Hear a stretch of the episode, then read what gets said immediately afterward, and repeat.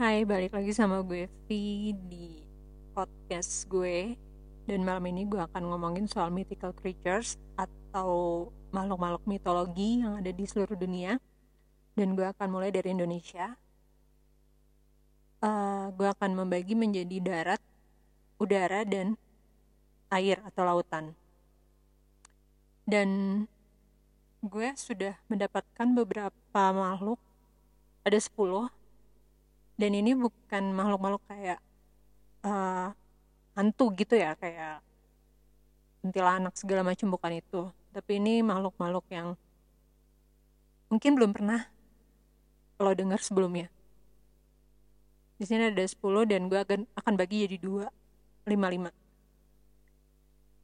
jadi akan ada dua podcast makhluk-makhluk mitologi di Indonesia yang ada di darat jadi dua part atau dua bagian.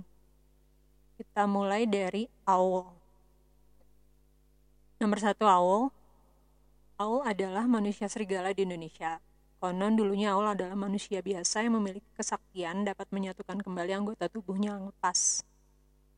Suatu hari dia menyuruh orang menebas kepalanya untuk menguji kesaktiannya. Namun karena posisi mereka dekat jurang, kepala yang ditebas justru menggelinding jatuh ke dalam jurang dan tidak dapat ditemukan. Lalu dalam keadaan panik, orang ini menebas kepala serigala yang ada di dekat situ. Tapi dia salah dalam memasangnya sehingga bagian muka menghadap ke belakang. Dari situlah Aul dikenal sebagai manusia serigala dengan kepala menghadap belakang atau terbalik yang sesekali bisa berjalan tegak seperti manusia. Aul ini terkenal di daerah lereng Gunung Slamet. Warga di sana sering dibuat resah oleh kehadiran makhluk ini karena banyak hewan ternak mereka yang mati dengan keadaan isi perut terbuai. Namun Aul dikabarkan hanya memakan jeroan kambing saja. Itu Aul. Dan gue belum pernah dengar. Jadi menarik ya. Seperti werewolf tapi kepalanya madep ke belakang atau ke punggung. Karena salah pasang mungkin kalian ada yang pernah dengar cerita ini? Atau legenda ini atau makhluk mitik mitologi ini? Lalu yang kedua ada cindaku. Menurut legenda penduduk setempat cindaku adalah ilmu batin yang diwariskan dari nenek moyang masyarakat kerinci. Konon yang bisa merubah konon yang bisa berubah menjadi cindaku adalah masyarakat kerinci murni yang memiliki kemampuan spiritual mereka hanya dapat berubah di tanah kelahirannya sendiri dan saat dadanya bersentuhan dengan tanah. Bagi, warna, bagi warga setempat, hal ini bukanlah ilmu hitam, melainkan ilmu yang diturunkan untuk menjaga batas hidup antara manusia dan harimau. Oke, okay. interesting.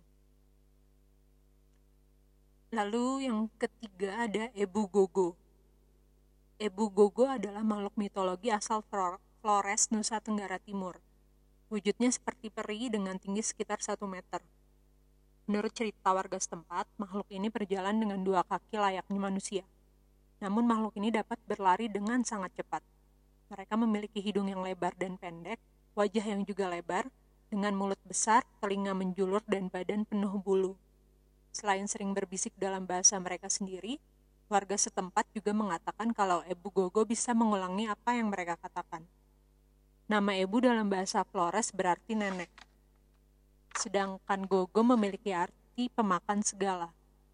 Hewan mitologi ini dipercaya sudah punah diburu warga setempat karena sering mengambil makanan penduduk secara sembunyi-sembunyi dan mereka juga suka menculik anak-anak. Itu yang ketiga. Yang keempat, warak ngandong. Dianggap sebagai pemersatu tiga etnis mayoritas di Semarang, Hewan ini memiliki wujud campuran kepala naga dari Cina, badan unta dari Arab, dan empat kaki kambing dari Jawa. Hewan ini biasanya diarak dalam festival keba kebiaran sebelum memasuki bulan puasa. Badannya yang bersisik, mulut menganga dan bertaring, serta wajah yang seram melambangkan nafsu yang harus dikalahkan dengan puasa. Nama warak berasal dari bahasa Arab wara'o yang artinya suci Sementara ngendok yang dalam bahasa Jawa berarti bertelur. Ngendok, maaf. disimbolkan sebagai pahala yang didapatkan setelah berpuasa. Berarti ini enggak ini ya, enggak serem. Dan ini ada, ini paling terkenal. Gue masukin karena uh, ini tuh bukan hantu kalau menurut gue. Leak. Bagi masyarakat Bali, makhluk ini pasti sudah akrab di telinga Makhluk yang satu ini kerap muncul dalam kisah-kisah di masyarakat Bali dan digambarkan sebagai penguasa roh-roh jahat. Menurut masyarakat Bali, Leak adalah seorang manusia yang, yang mempraktekkan ilmu hitam. Di saat matahari masih nampak, ia hanyalah seorang manusia biasa.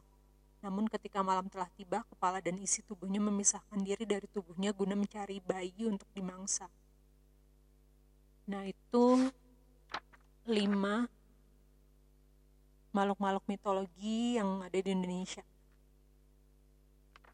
Gue akan melanjutkan part 2-nya besok malam. Dan ini semua gue ambil dari Google. Infonya itu semua dari Google, dari berbagai macam sumber berita. Kalau ada yang kurang, tolong dimaafkan. Kalau ada yang salah, tolong dimaafkan. Karena ini semua gue dapat dari Google. Gue search di Google,